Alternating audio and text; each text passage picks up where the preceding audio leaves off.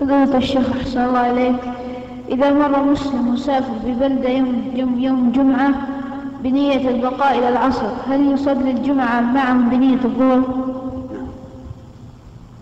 إذا مر المسافر بقرية أو مدينة وهم يصلون الجمعة وهو يريد أن يبقى فإنه يجب عليه أن يحضر إلى الجمعة. لعموم قول الله تعالى يا أيها الذين آمنوا إذا نودي للصلاة من يوم الجمعة فاسعوا إلى ذكر الله وذروا البيع. فيقال لهذا المسافر. ألست من المؤمنين؟ سيقول بلى. إذا يشملك الخطاب ولكنه يصلي بنية الجمعة. كالمرأة إذا حضرت صلاة الجمعة فإنها تصلي بنية الجمعة لا بنية الظهر. وإنما قلنا يصلي بنية الجمعة اتباعا لإمامه من وجه ولأن الجمعة أفضل من الظهر. فلا ينبغي أن يدع الأفضل إلى المفضول لكن سؤال آخر. هل يجوز لهذا المسافر أن يجمع العصر إلى الجمعة في هذه الحال؟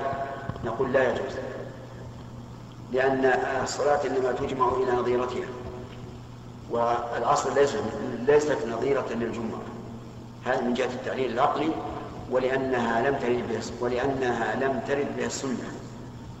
أي لم ترد السنة بجمع العصر إلى الجمعة والجمع صفة شرعية لا يجوز الإنسان أن يقوم بها إلا بدليل من الشرع.